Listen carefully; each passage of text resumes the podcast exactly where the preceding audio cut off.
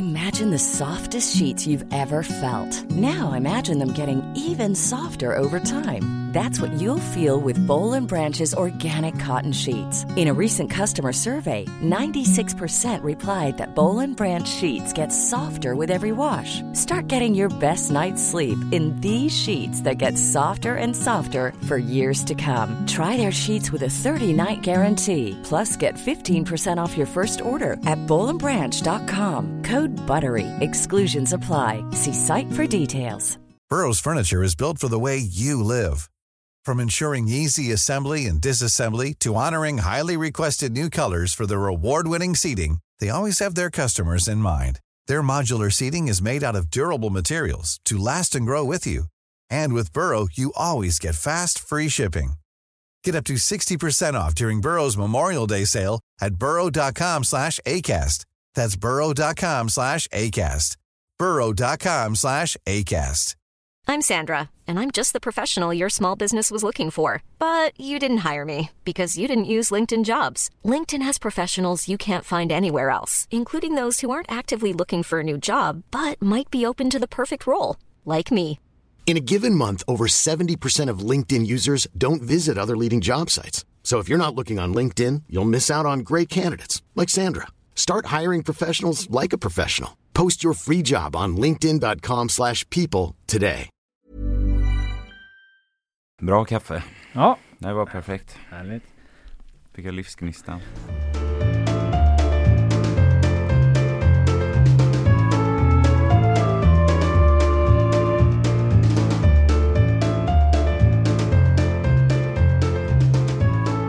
Hej och välkomna till GPs fotbollspodd som ännu så länge saknar ett namn, men där vi diskuterar Göteborgsfotbollen i allmänhet och Göteborgsfotbollen i synnerhet. Vi som gör det är jag, Robert Laul och Filip Troler. Men Filip kommer in lite senare i avsnittet. Idag har vi nämligen besök av BK Häckens klubbchef Marcus Jodin, guldchefen, direkt från Stockholm, Allsvenskans stora prisgala. Två frågor direkt. Hur kunde Samuel Gustafsson bli utan pris och hur var efterfesten? Oj, eh, på eh, A svarar jag, eh, jag håller med dig, ofattbart. Eh, på B alldeles för eh, sen. Okej. Men bra. Okej. Mm. Eh, vad eh, bör jag känna till om den som inte redan är sagt? Eh, nej men det var, det var mycket gulsvart, det var mycket Häcken. Det var många på nattklubben Soap som... Eh, Soapbar alltså? Ja visst. Oj då, det är som, Dully Jönssons gamla stamställe. Exakt, han var inte där Dooley. Där är ju annars Han bor i fin, Norge eh, nu, alltså. fin Häckenkoppling. Just Eh, det.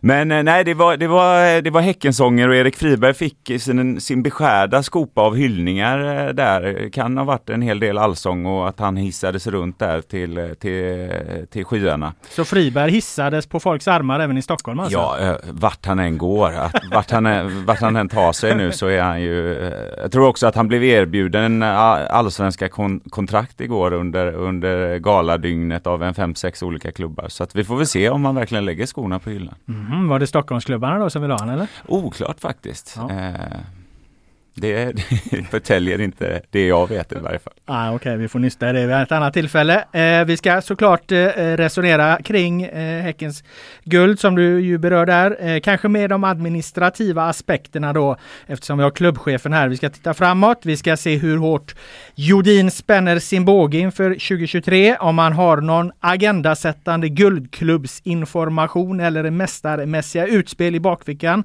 med sig hit. Eh, efter det kommer Filip Trolesson som sagt. Då ska vi ge er allt inför ÖIS dramatiska kval och en hel del annat. Men det tar vi då Marcus Judin eh, som inte blir årets pappa i år heller.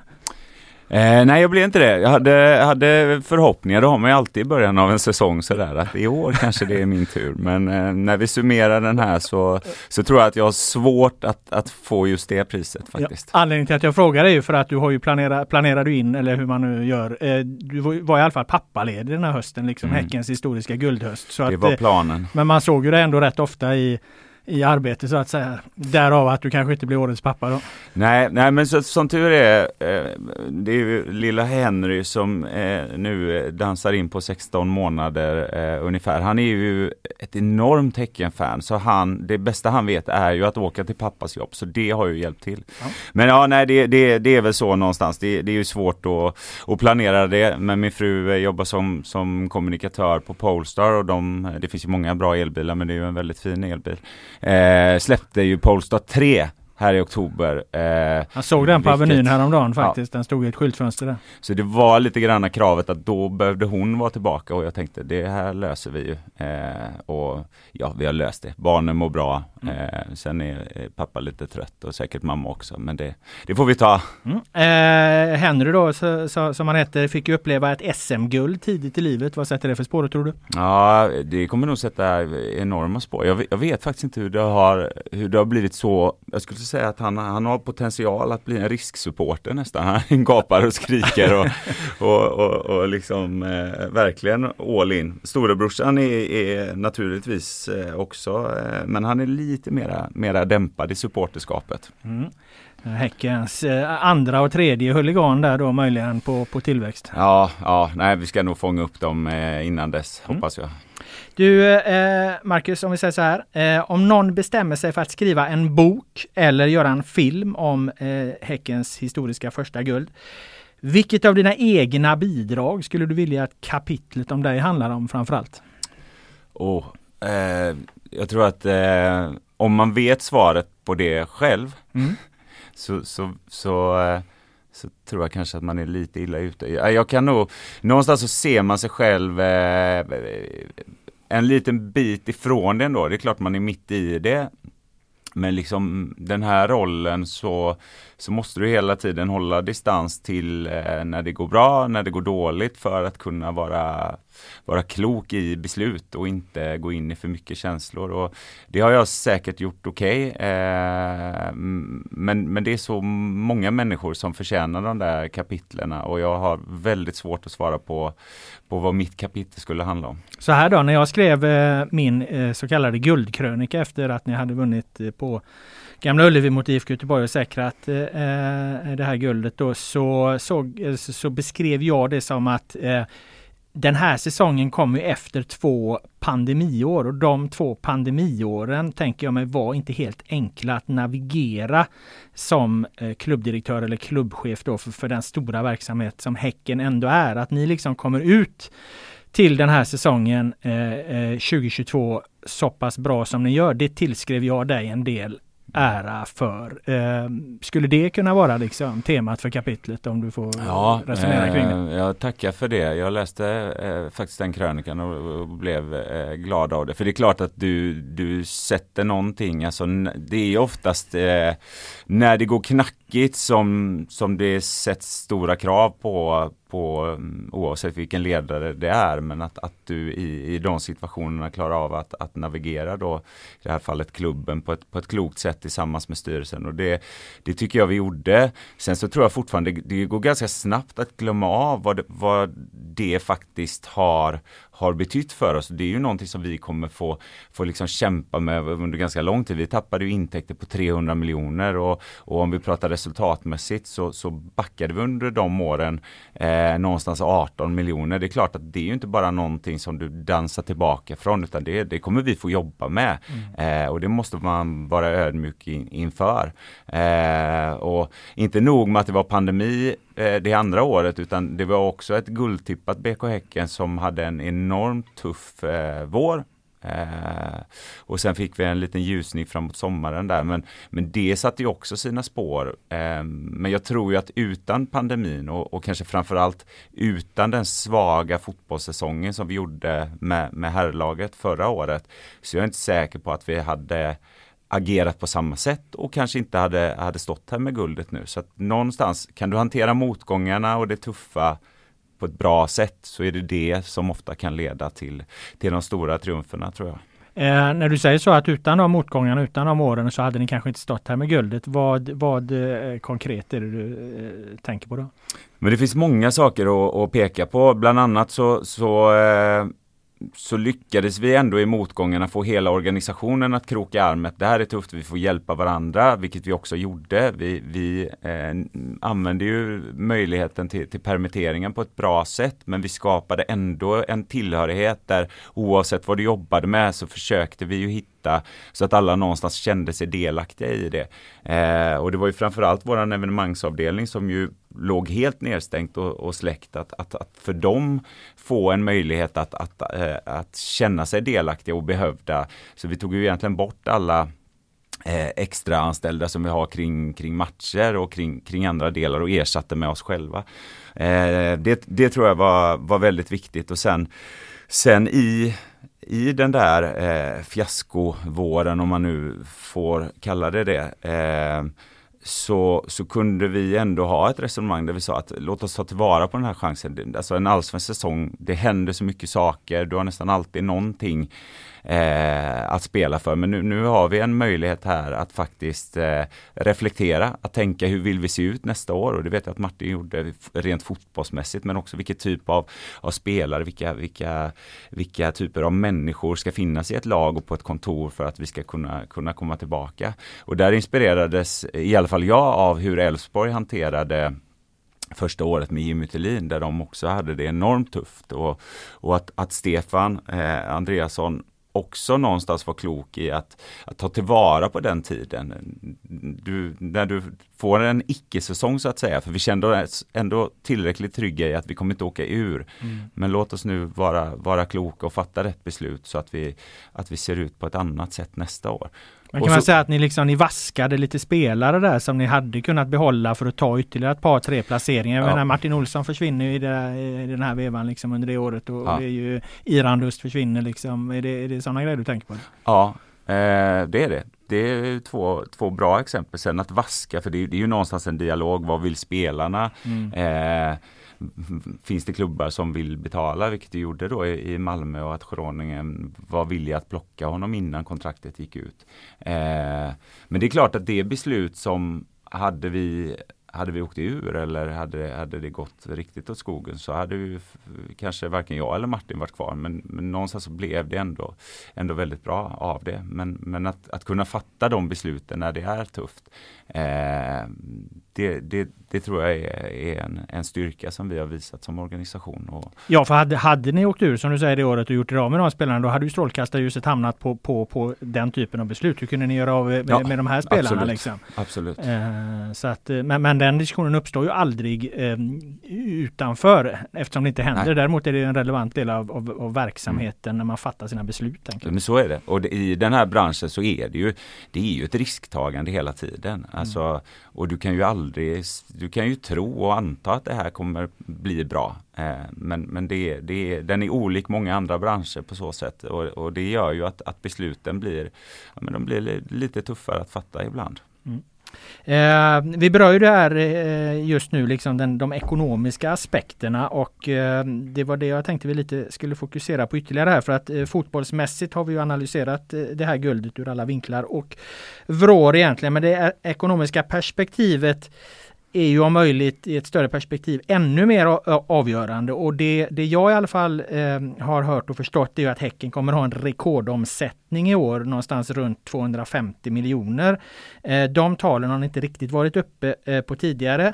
Samtidigt finns ju liksom Gothia Cup i det här. Här finns damlagen kan jag tänka mig. Eh, hur stor betydelse har er växande ekonomi haft i att ni vinner ett allsvenskt guld här? När, det, när de bitarna mm. sammanfaller om du förstår vad jag menar. Jo men det, det, det är klart att det har, alltså korrelationen ekonomi och och resultat inom sporten och, och, kanske i synnerhet fotboll är ju väldigt, väldigt tydligt. Så att för att vi ska kunna konkurrera så, så behöver vi dels få upp våra intäkter så att vår totala omsättning men vi behöver ju också hitta en nivå på, på det ekonomiska resultatet. Men, men det är klart att våran, våran växande ekonomi har gett oss eh, möjligheter men har ju också inneburit, för det gör det, det, det kommer risker med det. Alltså vi, mm, i, inom fotbollen så pratar man ofta och det är den största utmaningen för, för de allsvenska klubbarna och superettaklubbarna. Det, det är ju likviditeten som ofta är utmaningen och, och, bara för att du någonstans klarar av att öka din omsättning så betyder ju inte det att, att du sitter bättre till i, i alla 12 kalendermånader. Så att, så att, så att det, det, det, det kommer utmaningar med det också. Men jag tror absolut att det har har inneburit att vi, vi har större möjligheter. Vi har en, en historisk försäljning i Patrik Wålemark i år som ju har möjliggjort eh, en hel del investeringar. Och det är en hel del investeringar vi har gjort. Jag, jag tror att vi hade eller om vi summerar 13 nya spelare till herrtruppen och 9 nya spelare till damtruppen. Och dessutom eh, Gothia Park Academys nya del där vi öppnat och investerat i planer. Så det, det, har varit ett, ett år där vi verkligen har investerat i verksamheten och i klubben. Eh, och, och, och det är ju tack vare då att vi har klarat av att öka intäkterna som vi har kunnat göra det.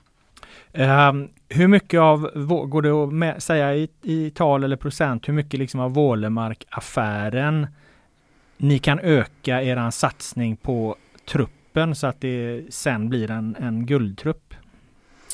Eh, jag tror att den, den kan på många sätt vara avgörande. Sen har vi ju varit kloka i, i vad vi har investerat i truppen. Jag tycker att Martin och, och hans team har har gjort fantastisk scouting. Alltså vi, vi vet att det finns, finns ett antal landsvenska spelare som har, har eh, plockat in historiska sign-on bonusar under det här året som vi har kunnat läsa. oss. det är klart att på de nivåerna är vi inte så att, så att det är inte på något sätt så att vi har har gjort det på, på, på enskilda spelare, bara plockat ut eh, Wålemarksförsäljningar och lagt på det sättet. Utan det är, väl, det är väl snarare det som gör att det här blir ett väldigt dyrt år för oss också. Det är, det är eh, nivå, alltså antalet spelare, både herre och dam. Och första året är, är alltid det dyra året, speciellt om man gör som vi gör, där vi inte lägger spelarna i en balansräkning, utan att vi skriver ner dem direkt. Och det är klart att 13 spelare oavsett karaktär, 13 plus 9 spelare som ska ha sign-on bonus någonstans.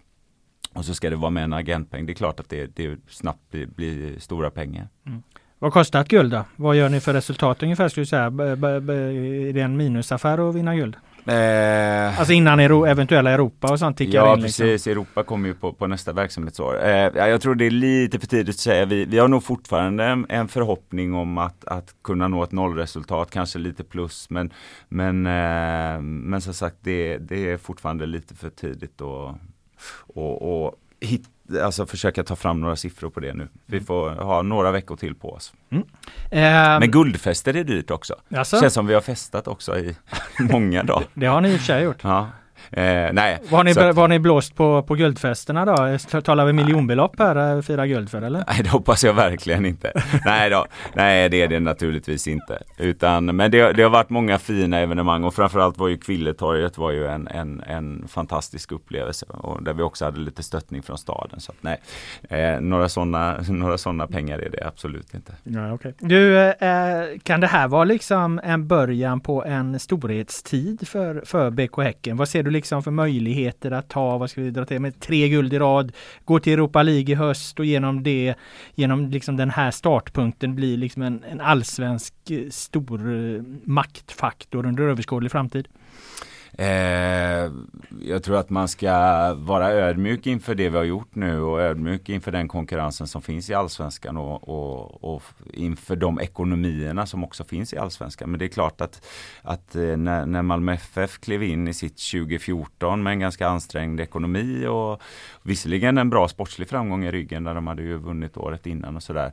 Eh, det är klart att den Europahösten de gör där ritar ju om historien för dem. Mm. Eh, och, och det är ju någonting som, som där, där år av framgång leder till nästa år av framgång någonstans. Och det är klart att vi har en förhoppning att vi ska kunna ta oss an Europa på ett bra sätt och, och därigenom skapa nya möjligheter. Men att att, att vinna det här guldet, att det i sig skulle innebära att vi, att vi ska börja prata om tre raka och att vi ska ha gruppspel i Europa varje år. Det, det, det, där är vi ju inte. Vi är klokare än så för att vi, vi är inte på den nivån. Jag tror inte att Malmö FF heller hade, hade någon tro på att de skulle spela Europagruppspel så många gånger de har gjort när de klev in i 2014. Så, att, så att det gäller att vara, vara liksom sund och, och nykter i sin syn på detta men naturligtvis ta tillvara på de möjligheterna som finns. Mm. Ja, det är dubbelt dubbelt det där för att samtidigt kan man säga att ni kanske är ännu starkare än vad Malmö FF var 2014 nu när ni vinner här. Men samtidigt är ju det är ju konkurrensen i form av, av andra klubbars ekonomier mycket högre mm. nu. Helt rätt. Helt rätt. Eh, så att, så att det, där kunde ju Malmö ta ett ganska stort steg. Eh, jämfört med, med de andra allsvenska klubbarna. Nu vet vi att vi har en, en i alla fall fyra klubbar som, som sitter på på, på enorma pengar, eh, stora omsättningar eh, och som, som är ganska offensiva i sina, sina satsningar. Malmö gjorde ett nytt eh, Europagruppspel. Eh, Djurgården har gjort det fantastiskt bra här under hösten och nu får vi se vad det eh, tar slut för att de, de kan ju ånga på hela vägen där tror jag i Conference League faktiskt. Och vinna? Nej, jag vet inte. Nej, men jag tror att alltså, som, det, sättet de har tagit sig an Europa, det, det inspirerar ju oss. Mm. Eh, och, och vi, jag var den första att, att hylla både Henke och Bosse och resten i Djurgården igår. Att det är otroligt imponerande och inspirerande. Eh, precis som Malmö har inspirerat också. Så att jag tror att vi, vi måste tillåta oss att, att glädjas när det går bra för svenska lag i Europa. För att, för att det där blir ändå nyckeln till att fler kan lyckas. Mm. Malmös eh, intäkter och, och kassakista är, är ju välkänd. Liksom. Men Djurgården drar ju in här nu i de summor som det har pratats om i storleksordningen hittills då 80 miljoner kronor. Ja, kanske mm. ännu mer. Liksom. Vad ja, jag tror inte det stannar där. nej, men eh, vi, om vi säger där mellan 80 och 100 då, det kan bli ännu mer. Liksom. Vad, vad, vad betyder summor på den nivå, nivån för en verksamhet? För det är ju liksom summor som inte skulle vara helt otänkbara för, för Häcken om ni går till ECL till exempel.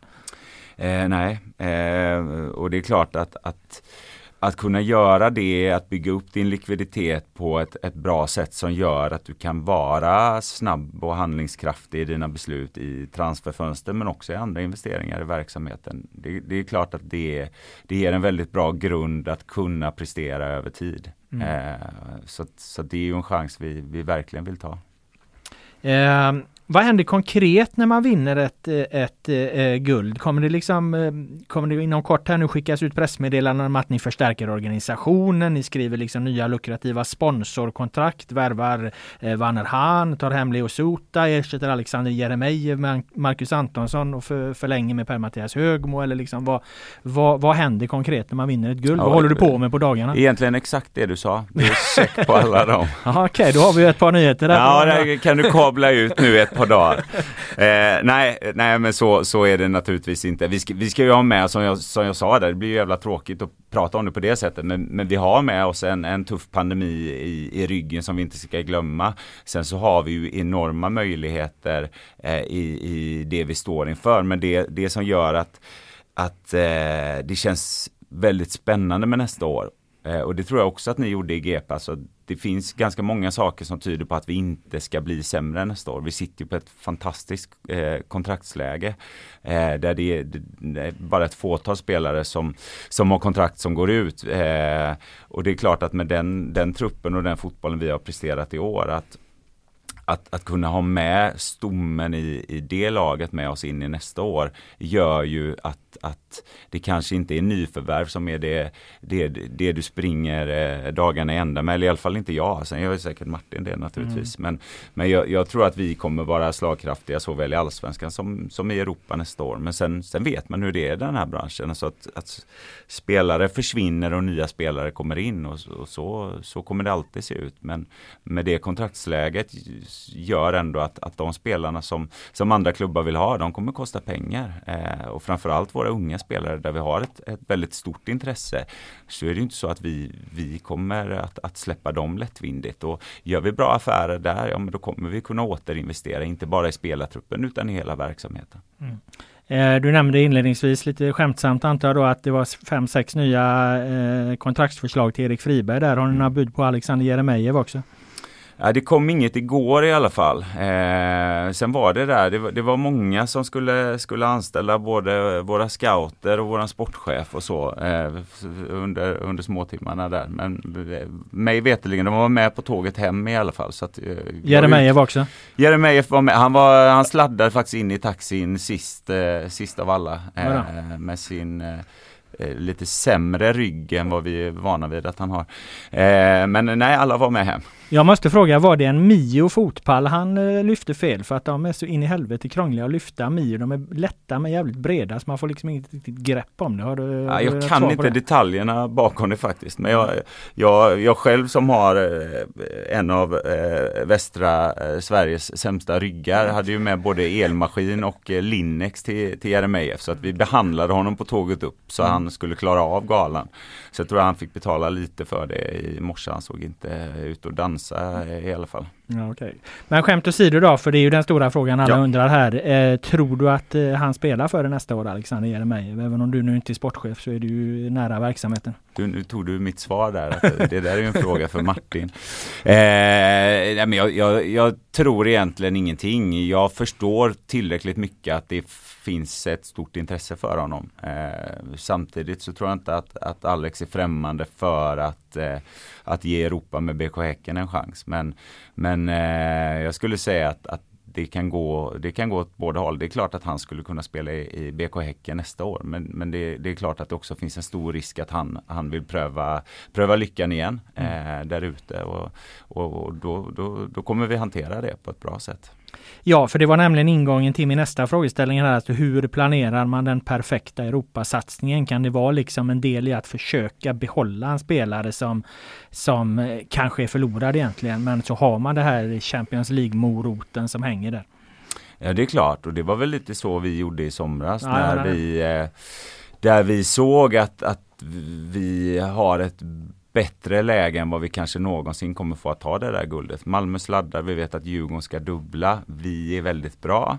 Eh, det är klart att, att, när vi resonerar där i, i somras, ja, men då, då gör ju vi eh, då väljer vi att, att investera genom att, att behålla Alexander Jeremejeff men också genom att plocka in Simon Gustafsson. Så det handlar lite grann om att ta tillfällena.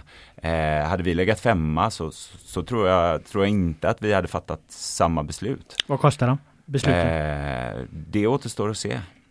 Hur menar du? Ja, men du, alltså, du får ju summera det över ganska många år. Eh, om, om Simon skjuter oss till ett gruppspel i Europa så, så har det inte kostat så mycket. Men, eh, och vi får väl se lite hur det, hur, det, hur det slutar med Alex också.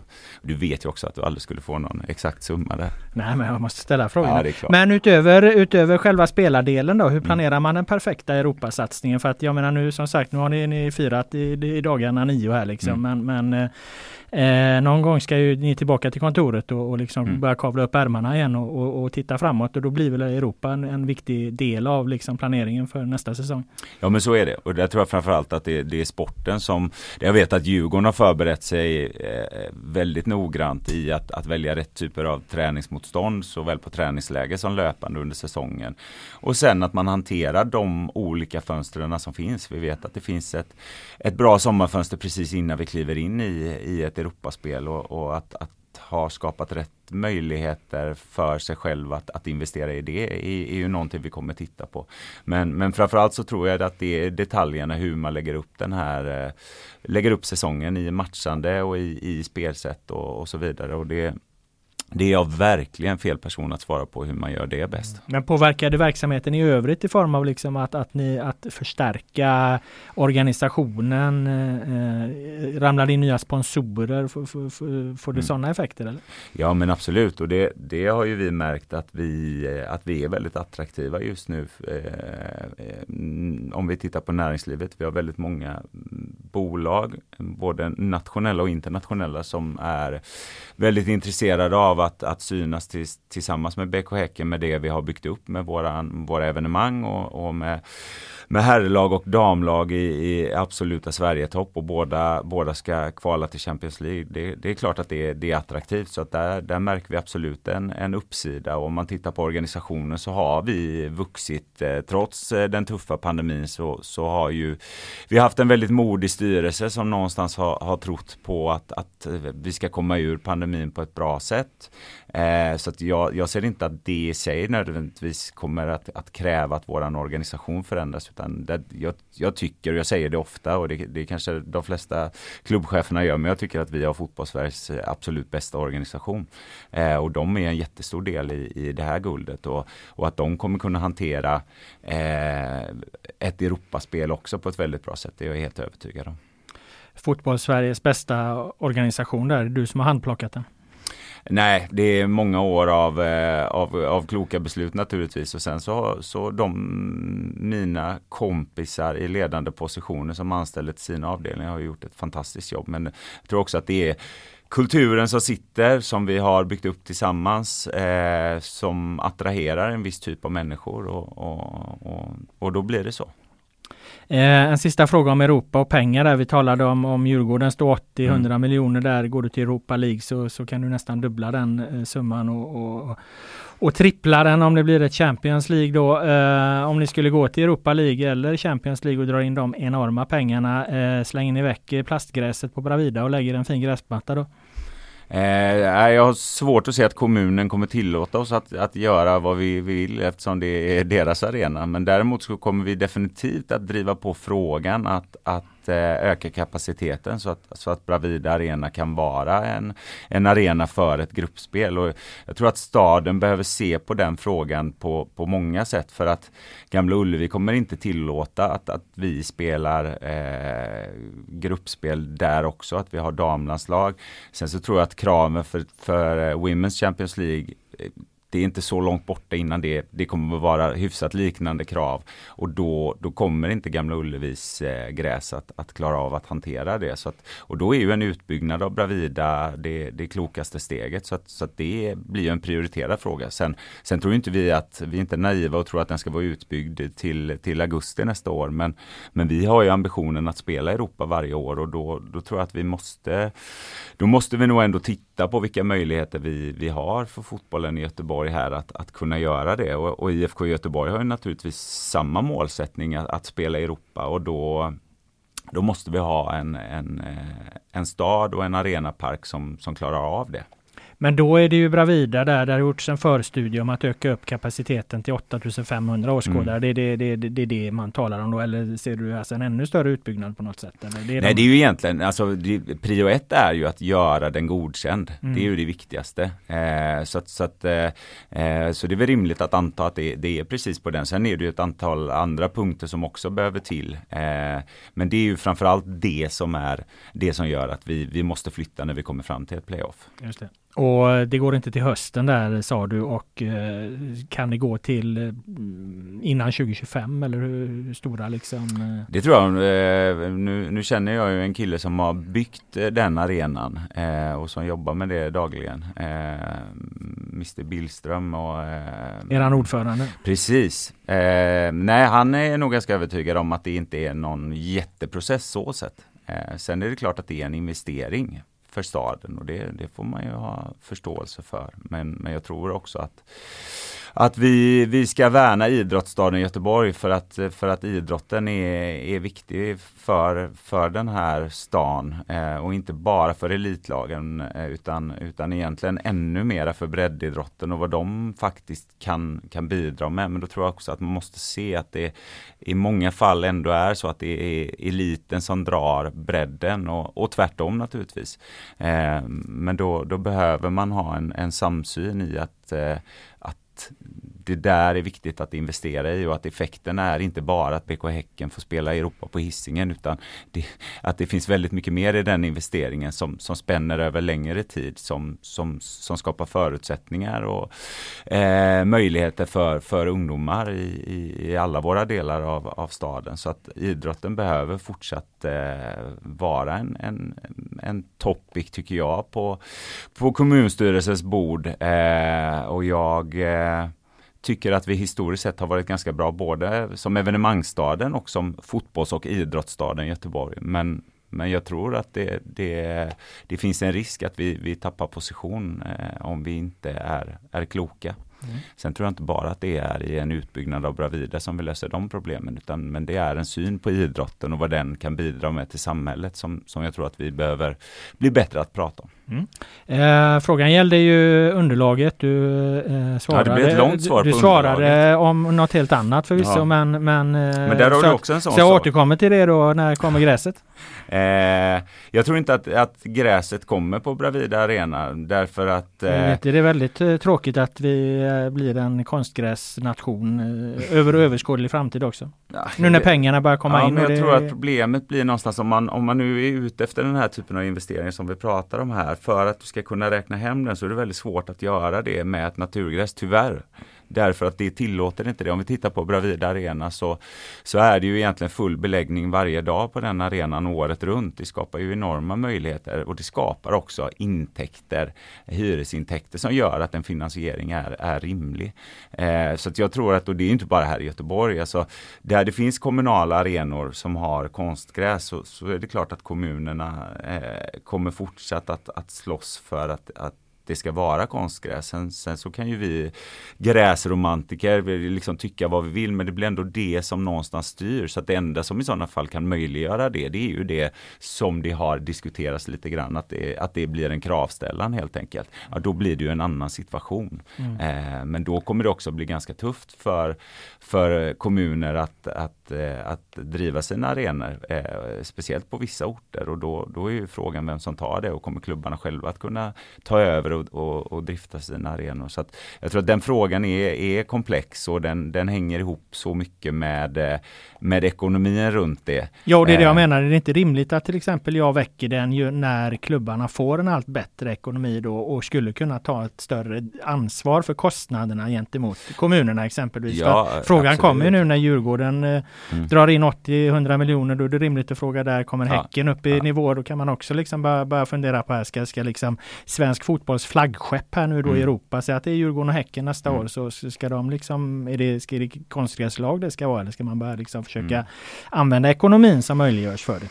Eh, jo, det, det, kan man såklart eh, resonera kring. Eh, att, att, det, att det skapar andra möjligheter. Samtidigt om du tar Djurgården som case så, så Tele2 Arena är en enorm investering där, eh, där de framförallt eh, drar in mycket pengar på, på konserterna och med en naturgräsmatta där så, så så blir det inte eh, lika möjligt. Så det är en komplex fråga och, och jag, jag älskar eh, nyklippt gräs och, och, och bra gräsmattor. Eh, så att, och det tror jag vi alla gör inom fotbollen. Men, men jag tror att vi behöver vara klokare och, och se till en helhet och också ha förståelse för, för våra kommuner. Eh, du berörde fotbollsstaden eller idrottsstaden lite, eh, Göteborg lite grann där. Eh, hur tror du att det kommer påverka Göteborg som fotbollsstad att liksom BK Häcken har rört sig i en riktning de senaste åren och IFK Göteborg har eh, rört sig i en annan riktning under samma period? Ehm, jag hoppas att det blir eh, en tändvätska och eh, en motivator som gör att, att våra andra lag i staden eh, kör på, kliver på.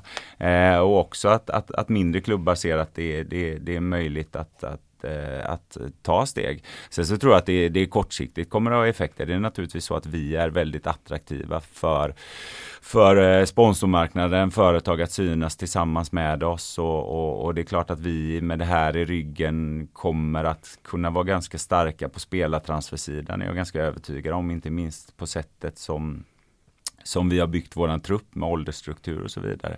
Märker så du det eh, redan nu eller? Ja absolut, absolut och det har vi väl egentligen eh, gjort eh, hela året. Eh, och eh, Det har ju också, det är också sättet vi har byggt det här på. Ska vi kunna konkurrera med Malmö, AIK, Djurgården, Hammarby framförallt så behöver vi vara väldigt bra på, på spelartransfers. Eh, och för att bli det så måste vi ha en truppsammansättning som är, som är möjlig att sälja. Rätt typer av spelare ska vara säljbara. Annars kommer vi inte kunna vara med och konkurrera. Om vi nu inte tar oss till ett Champions League-gruppspel i höst och sen fortsätter med det några år, ja då, då, kanske vi kan bygga på något annat sätt. Men annars är det, det är våran väg till, mm. till framgången. Men som sagt, jag, jag, jag hoppas att, eh, att Göteborgsfotbollen studsar tillbaka och att eh, det är bra för BK Häcken om folk pratar fotboll i stan. Så, så är det bara. Oavsett lag de pratar om? Ja, det är jag ganska övertygad om. Mm. Eh, att guldet, eh, att ni säkrade guldet just på Gamla Ullevi, vad, vad, vad, tänker du om den symboliska betydelsen av det för en människa som ju är väldigt starkt förknippad med Häcken då och får vinna på liksom rivalens, eh, hemma hos rivalen? Eh, ja, det blir, ju, det blir ju eh, naturligtvis för, för många supportrar som har eh, kämpat ute eh, i Rambergsvallens ösregn och, och, och, och, kanske någonstans inte varit nära IFK Göteborg att det blir en, en, en vacker bild och någonting poetiskt. För egen del så så var jag med där att bara, bara göra klart det nu så att vi kan konstatera att det här är ett, ett, ett guld. Eh, men du sket i var ni var någonstans? Ja, jag gjorde, jag gjorde faktiskt det. Eh, men, men som den matchen blev och, och, och, och, hela inramningen och sättet vi, vi tar oss an den matchen, att det är på gamla, det är klart att det känns lite extra för, för mig också naturligtvis. Så att, eh, det, var en, det var en otroligt eh, vacker söndag. Och, och jag tycker någonstans ändå att, eh, att det blev respektfullt från, från IFK Göteborgs sida. Jag sa det till, till deras organisation som jag träffade igår. Jag tyckte att de hanterade det med, eh, med stor respekt och på ett, på ett väldigt snyggt sätt. Eh, och det, det, tycker jag de ska ha. Och,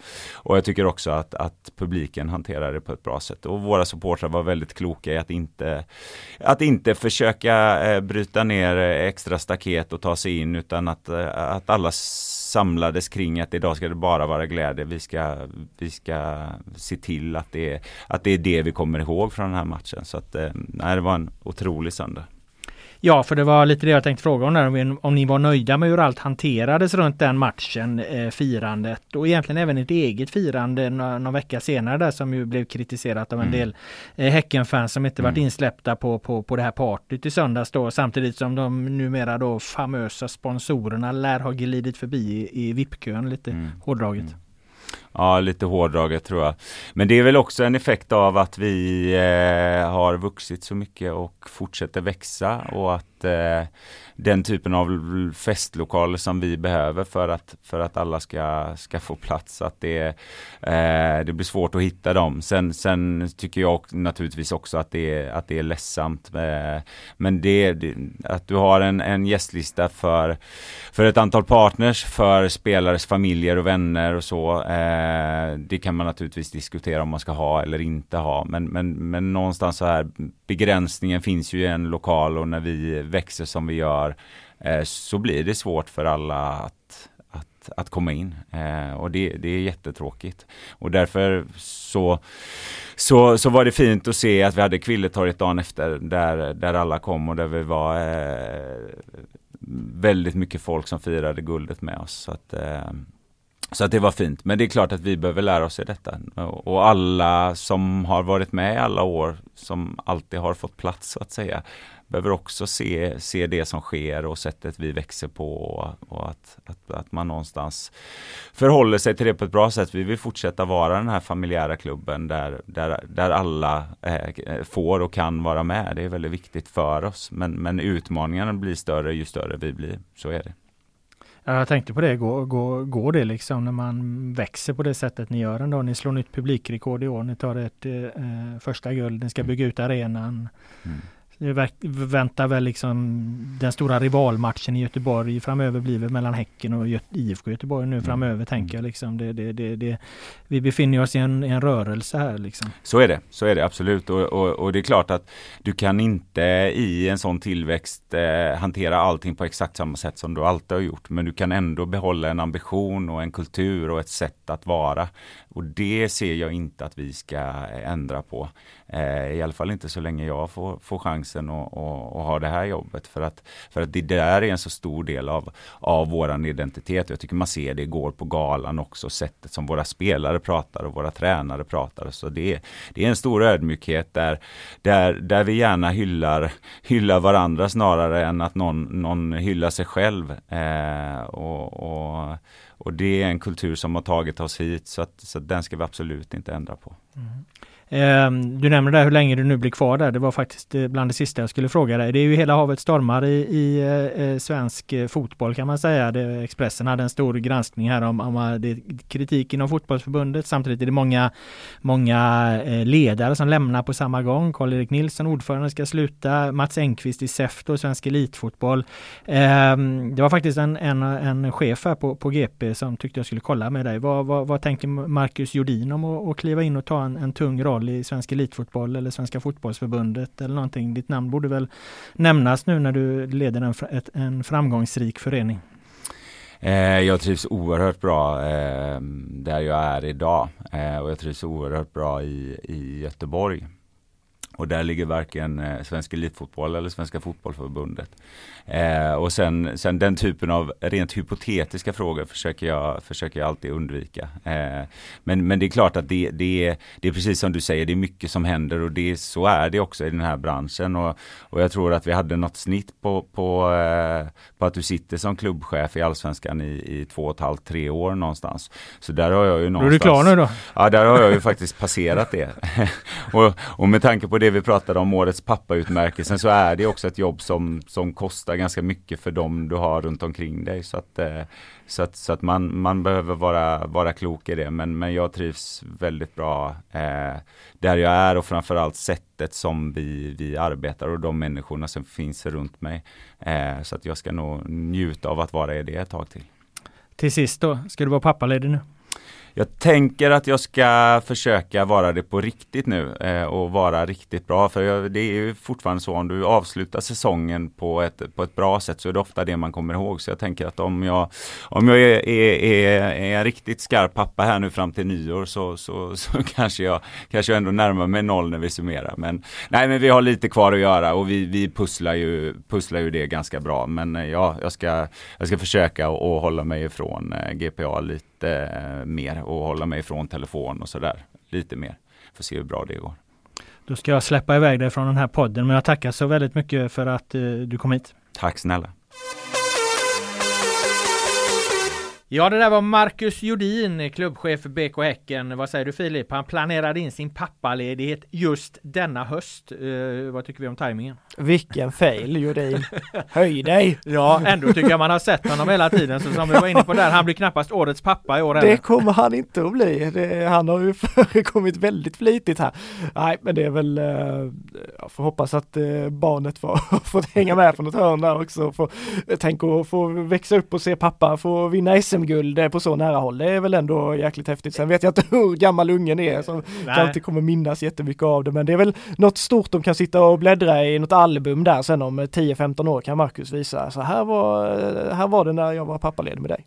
Det kan absolut vara en vinst med det. Det var det om Häcken i alla fall. Nu ska vi kasta oss över Göteborgslaget som befinner sig eh, i precis raka eh, motsatsen till allt detta, det vill säga ÖIS, hur mår de egentligen? Du har punktbevakat dem under träningarna här inför torsdagens kval mot Sandviken. Jo, men under omständigheterna får man väl ändå säga att de mår ganska så bra. Det är i alla fall den bilden du får när du när du är på träningarna där, eh, den bilden du fick eh, även efter eh, sista omgången av Superettan när det blev definitivt att de, de blev klara för kval. Klart att det är otroligt besviket och de är ju inte alls nöjda med att säsongen är där den är. Samtidigt har de ju haft en, en eh, positiv utveckling under säsongen och vi tittar ju på någon tabell här inför matchen som spelades då i, helgen mot BP att, att de var över de 20 sista omgångarna var de nummer två i superettan. Och det gör ju det är ju helt absurt egentligen att man är du nummer två i superettan och så får du kvala det är sjukt, det säger ju allt om vilken sanslöst usel start de hade på säsongen.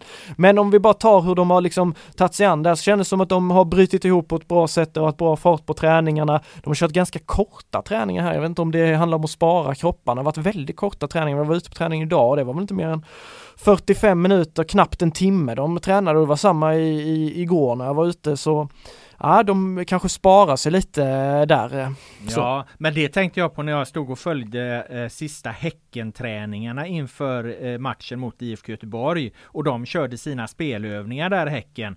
Eh, det, det, jag vet inte om jag inbillar men det kändes ju nästan som att alla ledare runt omkring stod, stod liksom och bet på naglarna mer eller mindre. Ja, Bara inte ja. någon jävel går sönder liksom och sen så small det till på Ibrahim Sadik där eh, vid någon träning och då var ju Jeremejeff vart ju avstängd mot Göteborg Göteborg så det har varit ett tungt tapp om även Sadik skulle varit borta såklart. Och det var ju snabbt framme liksom och linda foten och han haltade av där. Nu var det ingen fara liksom men, men det, apropå du pratar om korta träningar, det, det är ju inga lägen man vill ha skador, särskilt som de har väl problem med, med bärkrot till exempel. Så han är väl borta mer eller mindre eh, vad vi vet just nu. Ja men precis, det kom ju faktiskt besked här under, jag pratade med lagläkare Lars Pettersson på måndagskvällen då, då hade han undersökt men de hade inget besked. På tisdag förmiddag mötte jag Lars där uppe på Öjsgården och eh, han såg lite deppig ut och då eh, anade jag nästan för jag visste att han skulle kolla på de här röntgenplåtarna och sådär och det visar på en stor, stor blödning i ljumsken och han sa, eh, alltså hans prognos var att det, det är slut, det är färdigt för Bärkroth den här säsongen. Eh, hade det funnits att kvalet låg någon vecka bort då kanske man hade haft lite hopp om det men det lät väldigt, väldigt dystert och det är ju naturligtvis ett ett otroligt avbräck, även om Niklas Bärkroth inte blev vad vi och många hade trott under den här säsongen så har han ändå varit väldigt viktig för dem under under hösten och funkat väldigt bra i den här eh, nia-rollen och huggt på allt och jobbat stenhårt, eh, gjort mycket mål och bidragit med assist och sådär. Faktiskt blivit lite av det man trodde att han skulle kunna bli för ÖIS. Eh, Sen men är han ju en erfaren spelare också. Det tänker också, en sån här kvalmatch, liksom, ja, något att hålla i när det ja, blåser lite ja, grann och det... som ändå kan gå ut och leverera under eh, tuffa mentala påfrestningar. Ja men precis, han har ju sett mer och gjort mer i sin karriär än någon av de andra på Öjsgården vad de, vad de har gjort på, på, på så hög nivå så det är klart att han ur alla aspekter så är det ju ett jätte, jätteavbräck och, och sen har de ju en del långtidsskadade spelare sen innan också med Anton Lantz också en sån där rutinerad kille som de säkerligen gärna haft med i ett sånt här kval. Sargon Abraham, han är också stekt liksom, han kommer inte vara med. Sixten Molin är också borta nu. Och Robin Wallinder i målet gjort det bra så jag tror inte han hade spelat ändå. Men det, det är lite avbräck så. Eh, Hampus Dahlqvist hade en liten känning på träningen idag också, han har också varit viktig för dem men han kom igång och var med fullt ut. Så ja, de håller bara alla tummar här som du säger, inga fler skador här nu. Och det märks tycker jag också på träning, det är ganska lugnt, försiktigt så här, det är inte riktigt de där satsningarna. Och det är ju klart att det är ju lite vanskligt också, man får liksom inte lalla runt för mycket heller så... Eh. Nej, du ska ju hålla uppe tempot och så givetvis. Det ska sägas att det här spelas in då några dagar innan torsdag eh, då matchen spelas. Att eh,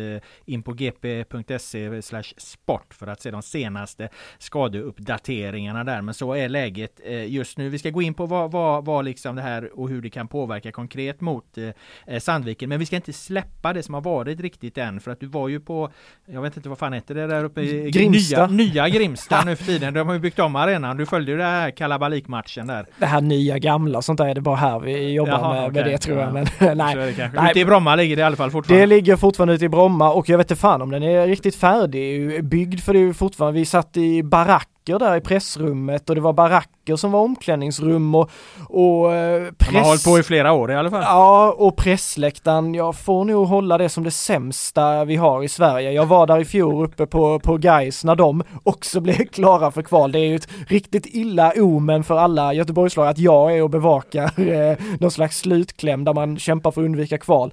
Men eh, den här, det är liksom, tänk dig en eh, en stor jävla kaka av playwood som de liksom har gru, gräpt ur och liksom gjort en bänk och en, eh, ett bord liksom så här helt feldistanserat så du får liksom sitta med datorn ett par meter framför dig nästan eller får du ha datorn i knät och försöka luta dig tillbaka. Det är fruktan om jag, om jag får gnälla lite.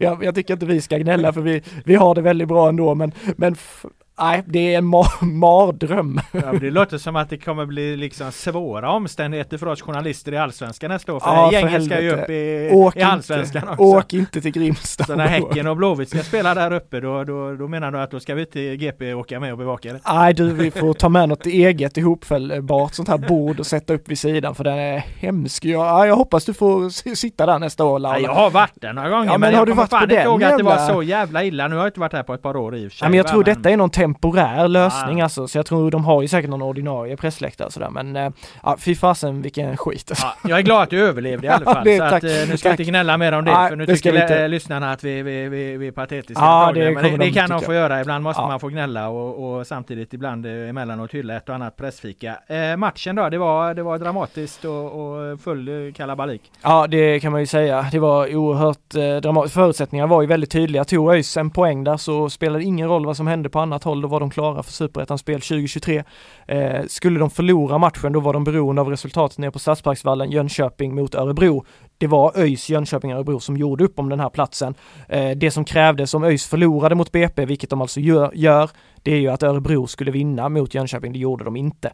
Eh, ÖIS fick en drömstart, eh, Bärkroth, Oskar Krusnell i BP halka, Bärkroth gör 1-0 efter två minuter, där och då tänkte jag ja, de fixar ju det här. Efter den här matchen då kan jag checka ut och ha gjort mitt för den här säsongen, eh, återhämta sig efter en, en lång och intensiv, väldigt rolig, eh, spännande och dramatisk höst, men ändå få li lite återhämtan. Men eh, de eh, gjorde inte sitt ÖIS, utan de ville hålla detta lite till eh, spänningen ska fortsätta eh, och tappa den här matchen. Och jag tycker att de gör det mycket på att de blir alldeles för rädda. De, när de får 1-0 så tidigt, de blir... Man känner att de kan förlora någonting? Ja, ja, det kändes, man borde tänka att ja, vilken drömöppning, men det blir istället, tror jag det blir lite deras fall, för de blev Ja, i 20 minuter höll de uppe det bra och hade faktiskt en chans. Eh, Erion Sadiku hade läge att göra 2-0 också.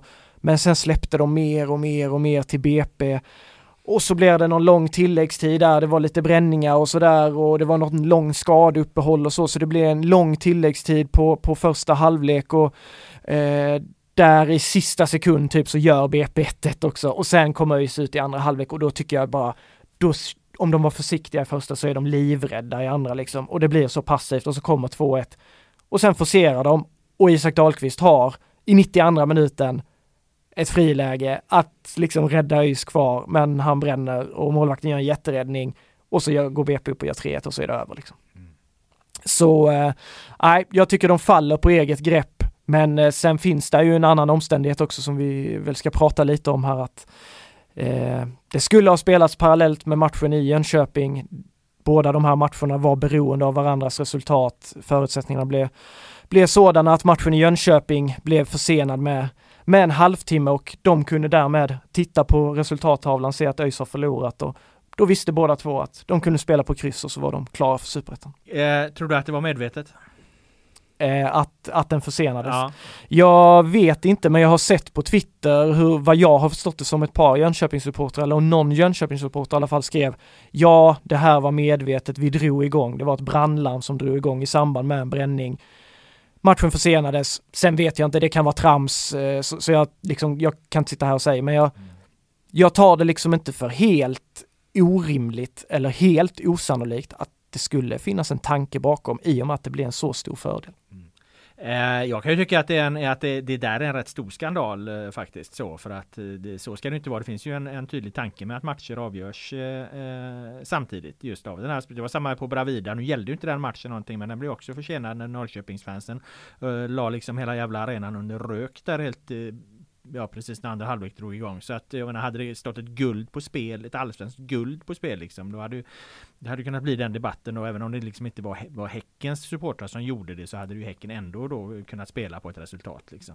Så är det, jag håller med. Jag tycker också det, det var, jag fick lite, jag skrev en fem punkter där att jag tyckte att jag, ja men jag vill aldrig mer se det, att, att, att vi hamnar i ett sånt läge där man kan pausa en match och jag tycker också som vi pratade lite om, jag tycker från förbundets håll. Mm. För fine, eh, pyro är inte tillåtet sådär, men vi vet ju alla att, att det händer. Och jag kan väl personligen tycka att jag liksom har, jag fattar grejen med att man tycker det är stämningsfullt så länge man sköter det på, på ett ordentligt sätt och inte håller på att kasta det på varandra och sådär. Men vi får ju ändå en situation där matchen skjuts upp och att man från förbundets håll också är helt liksom att man inte är med i verkligheten för vi vet om att nu är det allt fler lag som liksom eldar och det blir en mer levande läktarkultur i flera, flera klubbar. Att man då står helt handfallna så här. Ja nej, för vi pratade med domaren Oskar Jonsson efter matchen. Var det någon diskussion om att hålla matchen här, vänta in för att få det här rättviseperspektivet som är så jäkla viktigt i en sån här Alltså det är ju en ekonomi, en ekonomisk fråga som är enorm om du åker ur superettan eller inte. Och med guld, som du säger, ett allsvenskt guld, vad fan, då ska det vara rättvisa förutsättningar, det måste vara rättvist. Eh, Sen kanske det inte är optimalt att man skulle sagt till ÖIS och BP, ja ni får stå och rulla bollen här liksom, men jag tycker faktiskt att det är en bättre lösning, att de hade stått där och hållit matchen i en kvart, hållit igång och att man hade låtit Jönköping komma ikapp än att Jönköping och Örebro kan se att ja men ÖIS har spelat klart, här kan vi bara stå och passa bollen mellan varandra. Sen blev det ju ett mål och Jönköping tog ledningen och Örebro kvittera. Men slutminuterna är ju ganska tydligt, tycker jag i alla fall, att mm. det var inget lag som, som ville vinna den matchen och det klandrar jag inte dem för det minsta. För jag hade, ju, hade man varit en spelare i det laget så hade man gjort exakt likadant själv. Varför ska man hålla på att anfalla om du vet om att vad fan vi är klara för, för superettan om vi bara kryssar? Mm. Eh, nej men jag, jag, håller med om det. Jag vill bara invända mot, eh, mot eh, beskrivningen levande läktarkultur. Det är fortfarande eh, lagbrott ja, jag vet, eh, mot alla regler. Ja, ja, det är personer som anser att de själva liksom deras grej på läktaren är viktigare än det, det som pågår nere på planen och jag tycker det är, är eh, djupt provocerande och, och hör, hör inte hemma ett sånt beteende eh, när man gör sig själv viktigare än, än själva fotbollen. Liksom. Det, det, jag, det stör mig. Liksom. Jag tycker fortfarande eh, fotbollen ska få vara det centrala. Eh, vi vet att det sker. Sköter man det snyggt är det mindre att anmärka på. Men, men då får man också ta kritiken när det inte sköts snyggt. Det är väl liksom min poäng. Hur ser du på förbund, alltså tycker, håller du med mig där på den biten att de ska vara förberedda på något sätt, alltså förhålla sig till verkligheten? Ja, ja alltså, jag, jag, jag, tänker lite så här, för jag, jag hör ju när du pratar om det här nu, eh, att det skulle, i den, i den uppkomna situationen hade det varit eh, smart eh, och, och snyggt och snabbt agerat. Men samtidigt kan ju sådana här situationer uppstå där det är flera lag ja, jag vet. Det, det... Och då ska man då koordinera x antal olika matcher. Liksom. Mm. Jag minns ju avslutningen i Allsvenskan eh, 2019 då när, när sista omgången började. Då kan Djurgården vinna guld, då kan Malmö vinna guld, då kan Hammarby vinna guld. De spelar på tre olika eh, ställen. Ska du då hålla på liksom och korrigera matcher och något, något det brinner någonstans liksom och då, det blir försenat och då bränns det någon annanstans en stund senare så blir det, det blir en jävla apparat liksom att hålla, hålla koll på det här liksom. Och sen kan det ju uppstå stå andra grejer som gör att de slutar lite olika. Jag tror att, jag, jag tror att det är jävligt svårt. Jag tror helt enkelt att man måste, man måste, man måste liksom, man måste gå på hårdare när, det, när, när, när, när den här typen av överträdelser får sådana allvarliga konsekvenser som kan, kan det gå få. Då kan man inte bara prata om att det, det liksom är, är levande kultur och stämningsfulla arrangemang. För när det blir stora problem av det, då, då måste man kunna sätta ner foten också. Det, det är väl liksom min take på det. Ja. Men jag håller väl med om det att det kan bli det blir, och det har, vi har ju till och med sett där det har varit fyra, alltså att det spel, och många gånger i superettans bottenstrid, mm. samma där. Det har varit många, många matcher, men jag tycker också att uh, det handlar om, är det fem minuter? Det tycker jag är skillnad, för då mm. kan du inte vara så säker på att matchen liksom så här, men när det blir en halvtimme, ja. det är det jag liksom Nej. bara så här, det stör mig att det blir, uh, um, ja, men det som det är, och jag tycker faktiskt jag får skicka en lite beröm till ÖIS faktiskt. Jag tycker ÖIS-spelarna uttalar sig väldigt, för det är klart att vi ställer ju de frågorna, vi söker, det får man ju vara ärlig liksom, man söker ju reaktioner där, man vill ju höra vad de tycker om det. Mm. Och jag tycker de uttrycker sig väldigt balanserat och jag tycker också att de förtjänar lite cred faktiskt för hur, hur de tar sig an eh, situationen efter matchen där det liksom från flesta håll inte är några problem alls, stanna länge, ut, alltså inga så här de är professionella i det så där är det faktiskt lite, lite cred till dem. Ja.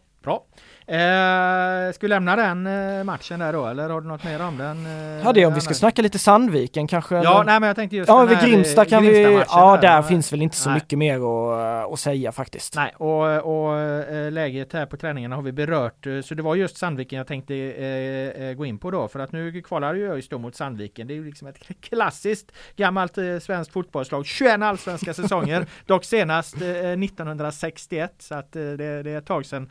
Och det är ju inte allsvenska allsvenskan de ska upp till nu, men det är superettan. Men eh, ja, en anrik fotbollsförening helt enkelt. Verkligen, eh, det är ju, jag tycker det är kul med de här klassikerklubbarna när de kommer tillbaka. Jag, man blir mycket gladare om man får vara lite så här eh, när, när man hör Sandviken är på väg upp än att Dalkurd eller AFC eller något sånt. Oj då, nu får du, ja, får du får, folk efter. Ja, nej men 21 allsvenska ja, säsonger nej, fan, är ju 21 allsvenska säsonger. Ja men så här, liksom. ja det är det jag menar. Det har ju fan inte ens Häcken höll på så här väl knappt. Det kan de ju inte ha va. Så att jag menar det, det, det... Ja men det är en dignitet på det, absolut. Och, men jag pratade med, med Joel Bäckström, Gävle Dagblad här. Vi utbytte lite information om lagen och sådär och liksom så man får lite pejl på grejerna och, och ha, ha, vi skojar lite där att ja, det, det här är två klubbar som kanske har sina största meriter ganska långt tillbaka i tiden. Men det, det är ett häftigt möte. Det är ju två otroligt klassiska klubbar, ÖIS liksom. Det är ju en av, det är ju en av de mest klassiska klubbarna vi har. Och det är ju, så det är så sett är det verkligen en fin dignitet på ett möte om vem som faktiskt bara ska ta sig upp i superettan. Det är inte allsvenskan utan det är superettan. Så det är häftigt och, och Sandviken verkar ju också vara ett en klubb som är lite på frammarsch där efter att ha varit nere i division 2 och nu så har de etablerat sig i ettan och hade hugg på kval i, i fjol och nu når de kval i år. Så. De gör väl osannolikt mycket mål, gör de inte det? Det gör de. Alltså Osannolikt alltså. Alltså det är enorma siffror. Ja, jag alltså. tror, jag tror Vas, Vasalund gjorde 88 åtta mål någon säsong här nu när de gick upp till superettan. Och det tror jag inte att det är, mig veteligen i modern tid är det ingen som har toppat det. Men Sandviken är bara sex kassar efter där. De har gjort 82 mål. De har skytteligavinnaren, de har skytteliga tvåan och sen har de eh, en spelare, Junior, som eh, har, tror var sjua eller sexa i skytteligan också. Så de gubbarna där tillsammans, de gjorde nästan 60 mål har de ja, gjort. Det är otroligt ju. Ja, det är sanslöst alltså. Och det verkar ju vara tragiskt då, för att jag menar mina gamla kollegor som jag hade på Sportbladet en gång i tiden som jobbar där nu, de har jag jagat mig för att få, få, få tag till dig för att liksom eh, informera sig om ÖIS och, och, ja. och, samtidigt bjuda på lite om Sandviken då kan vi ju tro. Precis, Sandviken bandystaden där den har levt upp och blivit en riktig fotbolls... Jag hörde, jag snackade nu med han Joel och han sa att de hoppades på en 3 500 åskådare på matchen också. På, ja. på klassiska järnvallen som alltså bara har, tydligen har en läktare för 700 per. Sen så handlar det om att stå i några jävla kullar eller något sånt här. Så det, det kan ju bli rätt så idylliskt och fint också. Så det ser man ju verkligen fram emot. Men om vi snackar offensiven så är det ju, eh, det är ju skrämmande och den här ena killen där, Ali, som eh, lirar på, på topp, jag tappar hans förnamn nu men han är ju 2,02 mäter han. Vad fan längre än Johan Hammar? Han är längre, till och med Hammar hade fått se sig kort i strumplästen. Men då ska jag säga att på Häckens guldfirande på Kvilletorget då kom det en polis. Han var nog ta mig fan en decimeter längre än Hammar. Det var den längsta människa jag sett tror jag. Shit, vad var ja, det? det var ett sidospår. det var ett sidospår. Nej men så, så äh, riktigt monster och vad som är extra imponerande med den gubben. Han har startat 15 matcher och han har gjort 22 mål. De har alltså använt honom ofta som någon slags inhoppare. Det var hälften av matcherna. Ja, hälften av matcherna och ändå 22 mål. Så det är ett monster ÖIS har att göra med det. Det kommer bli en, eh, en nu, nu har han tydligen varit mer ordinarie här på slutet så de kommer sannolikt starta med honom. Och så har de, och han blir då tvåa i skytteligan och så har de skytteligavinnaren bredvid där och så, eh, så Marcus Hagling Sangré och Jonathan Asulaj och, och gänget i ÖIS bakre led, det kommer bli svettigt. Det låter ju som en jävla mardrömsuppgift där för stackars ÖIS alltså, som, som redan är darriga liksom. Så ja. hör de det här också. Ja, det är... Är det den här reporten som har skrämt upp skrämt det här? Ja, ja, precis. Nej, jag har faktiskt eh, kollat statsen lite. Jag har bollat detta lite med ÖIS. Det kommer en artikel om det senare ah. där med, med, lite sköna takes på, på, på den här offensiven de ställs emot. Men ja, jag tror att det är en jävla tuff uppgift och om man ska säga lite sådär så ÖIS har ju ett lag med otroligt mycket kvalitet i grund och botten och lite ovanligt är ju faktiskt det här att de kommer uppifrån men de kommer inte uppifrån som ett förstört lag, utan de kommer ju uppifrån med, med liksom en jättefin form jämfört med Gais i fjol när de trillade ner. De hade ju fan knappt vunnit en match när de kom till kval. Och det är lite an udda liksom, för det är väldigt ofta att de här superettanlagen som hamnar i kval mår så fruktansvärt dåligt. Sen så är det ju också en fara det där om de tar det på fel sätt. Det är ju Så att de säger, ja men vi, vi har gått bra här nu och vi har presterat bra under två tredjedelar. Det är alltså att de blir lite bekväma och trygga i det att ah, men det kommer lösa sig eftersom det har varit så bra under lång tid nu. Så det handlar ju helt och hållet om hur de tar tillvara på det där. För eh, men 55-45 fördel ÖIS, kanske 60-40 Trots eh, monstret på 202 ja, där kanske. Sandviken, de, har ju, de hade också näst bäst försvar så de har inte varit odugliga defensivt heller. Men, är, det, är det, är det eh, konstgräs i konstgräs, ja. Sandviken? Konstgräs. Hur är ÖIS på, på plasten då? De har väl ändå varit helt okej okay på plasten. Det har ja. inte varit någon sån mardröms, inte vad jag, om, om minnet inte sviker mig nu. Jag har varit med om säsonger där de haft tuffare på, på konstgräs. Eh, så så eh, där tror jag ändå att de är ganska ganska hoppfulla ur den aspekten. Då har de kanske en liten fördel ändå med, med, med, med, sin hemmaplan då på gamla där som inte är världens bästa matta har vi sett flera gånger. Å andra sidan så visar du Häcken att är du bara tillräckligt skicklig så kan du spela på den också. Heter du Micke Rygaard så gör inget om det studsar så mycket. Då, då, kan du spela vad fan som helst. Då kan, då kan du springa runt som en jävla total någon grustag typ och gropar som är djupa en meter så skulle han kunna leka med bollen ändå för han är så jävla bra. Men eh, nej men Gamla Ullevi är också kanske mer intressant till nästa match men den kan vi ju beröra nu också i och med att vi kommer inte ha något poddavsnitt innan Nej det var det jag menade, jag menar returen givetvis. Ja och vi ska ha med oss att eh, konkurrenterna, guys, rivalerna, de var inne och plattade till mattan lite extra med en planstormning i, i när de avslutade på hemmaplan mot ja, IFK Malmö. Också, också, ja. eh, enligt vad jag hörde någon eh, som, som sa som var på matchen så var det någon planskötare som hade sagt något i, i stil med att ÖIS kan lycka till med att spela någon fotboll här för det, det kommer inte gå. Och nu har vi en otroligt regnig vecka här i Göteborg, men plast ligger på Gamla Ullevi. ÖIS ska vara där och kika på mattan idag vet jag, idag tisdag. Eh, och de är ju Alltså de känns som att de kommer gå i döden för att de ska få spela där, för nu har de varit trygga och starka där så, och de vill ju inte åka till Bravida och möta Sandviken på konstgräset där, det vore ju naturligtvis jättedumt. Och sen hörde jag att Ullevi håller på att sås om. För den är också deras reservarena, ja, den stora, Ullevi alltså. Ja. Eh, så då är det ju inget eh, alternativ. Så jag fattar att ÖIS är nog eh, jävligt sugna på att spela den matchen på, på Gamla Ullevi alltså. Ja och att det regnar den här veckan det är ju ingen underdrift. Alltså det, jag körde ut till Hisingen här, häromdagen alltså det, det var ju i princip översvämningar för fan ja, jag skulle ja, fram med min bil. Ja, ja och, det, och det enligt prognoserna det ska ju bara fortsätta. Det ska lite lätta kanske framåt helgen men får vi liksom, även om de har plast på, så den kommer ju vara dränkt tänker jag. Så eh, ja, det, det, det ska bli intressant att följa den eh, faktiskt, gräset där, hur, hur det kommer att bli med det. Apropå guys, där kan vi också bara ta en rolig detalj där. ÖIS eh, kommer ju åka upp till Sandviken och spela första mötet med en typ av boll, Adidas bollar. Mm. Eh, och i Superettan så är det selektbollar. ÖIS har tränat med selektbollar hela, hela jävla säsongen. Så igår när jag var där så, fan ni tränar ju med Adidas-bollar. Så, så, så, ser jag där, fan det står ju guys på bollarna.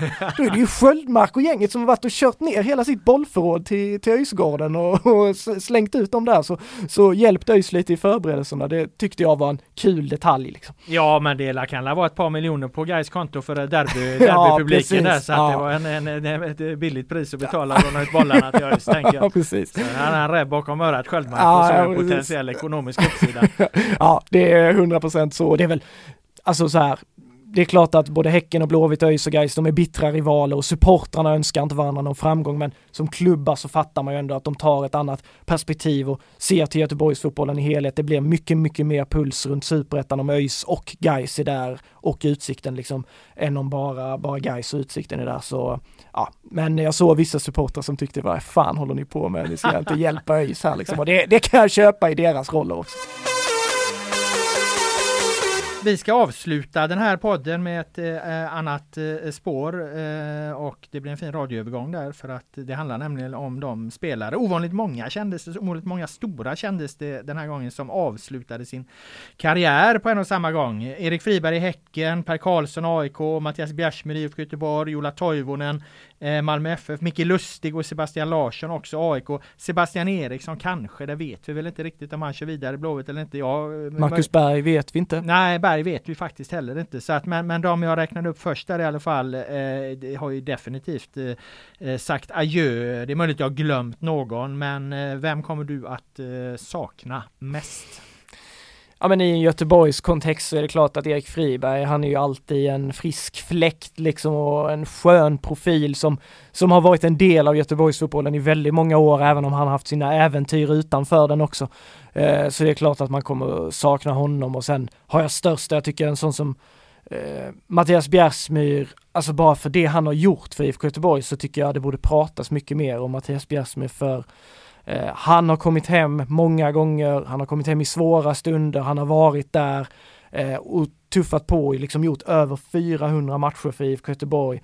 Jag tyckte lite eh, i all, all eh, liksom så lycka för Häcken och så, men eh, jag led faktiskt lite med Mattias Bjärsmyr att, alltså att det blev ett sånt jävla mörker över den, den kvällen som det blev för IFK Göteborg med, med Häckens guld på Gamla Ullevi. Jag tycker han han hade förtjänat en, en större hyllning och jag tycker faktiskt att han borde få mer cred än vad han har fått för han har ofta hamnat lite i skymundan av, av de här.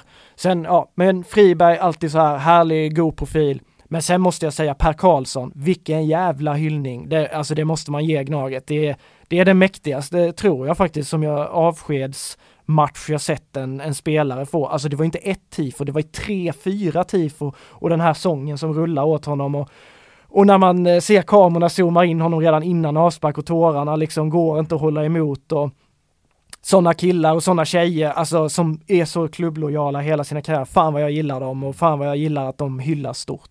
Ja, och han är ju i den här kontexten av de vi rabblade upp där unik då för att han har ju varit kvar i AIK eh, hela vägen mm. och, och det, det, är klart de, de, är ju inte så många de som, som spelar så förbaskat länge i, i en och samma eh, klubb och ändå spelar för det mesta även om det såklart det kommer ju ett, ett break någon gång när de får börja sitta på bänken och så när, när åldern tar ut sin rätt och det har den gjort för Per Karlsson här men, men alltså han har ju varit med i alla tider. Han var ju för fan med när jag började bevaka liksom Stockholmsfotbollen en gång på i, början av 2000-talet ja. liksom. Då, då var ju han ju för fan veteran redan då i princip. Så att, äh, jävligt liksom down to earth person också och alltid, alltid, alltid professionell och trevlig och schysst och, och, och, och hygglig. Väldigt långt ifrån den, den bild jag tror många har av AIK som mm. en hård och, och, tuff och kaxig klubb liksom. Så, så har ju han alltid representerat något annat och på senare år har ju AIK förändrats som klubb och blivit mer, mer, mer betydligt mjukare och och mer inkluderande och jag tror att man kan säga att Per Karlsson har haft en betydelse där. Ja, jag läste din kollega, gamle kollega Bomans intervju med Karlsson där, eh, eh tyckte den var väldigt bra och eh, han ger ju verkligen det intrycket du beskriver där. Jag har aldrig intervjuat Per Karlsson själv men man får eh, verkligen att det här är en sympatisk kille och det eh, visar också, det går igenom det och även i, i rutan där hur mycket AIK betyder för, för honom och som sagt de är inte så många, de är inte så många kvar och då, då är det väldigt kul och fint att se att en sån eh, kille får ett sånt värdigt avsked. Sen kan jag också bara nämna Fredrik Fendrich i J Södra i Superettan. Det är också en gubbe som har fan varit lojal i, i alla år. Han fick ett väldigt fint tifo av J Södra-fansen också. Han kan vi väl också bara slänga in på ett hörn där. Ja, det låter som en eh, fin och något oväntad avslutning på det här poddprogrammet att, att vi fick in eh, Fendrich i, i J Södra som sista ord från Filip Troler. Men den mannen, eh, Troler alltså, slutar aldrig att överraska. Jag tackar dig för att du var här med dina kloka synpunkter och eh, åsikter. Tack. Eh, tackar alla er som har eh, lyssnat. Podden utan namn är tillbaka nästa vecka och då med allt om alla lag. Då kommer våran stora årssummerings och sammanfattning här i podden. Ha det bra så länge.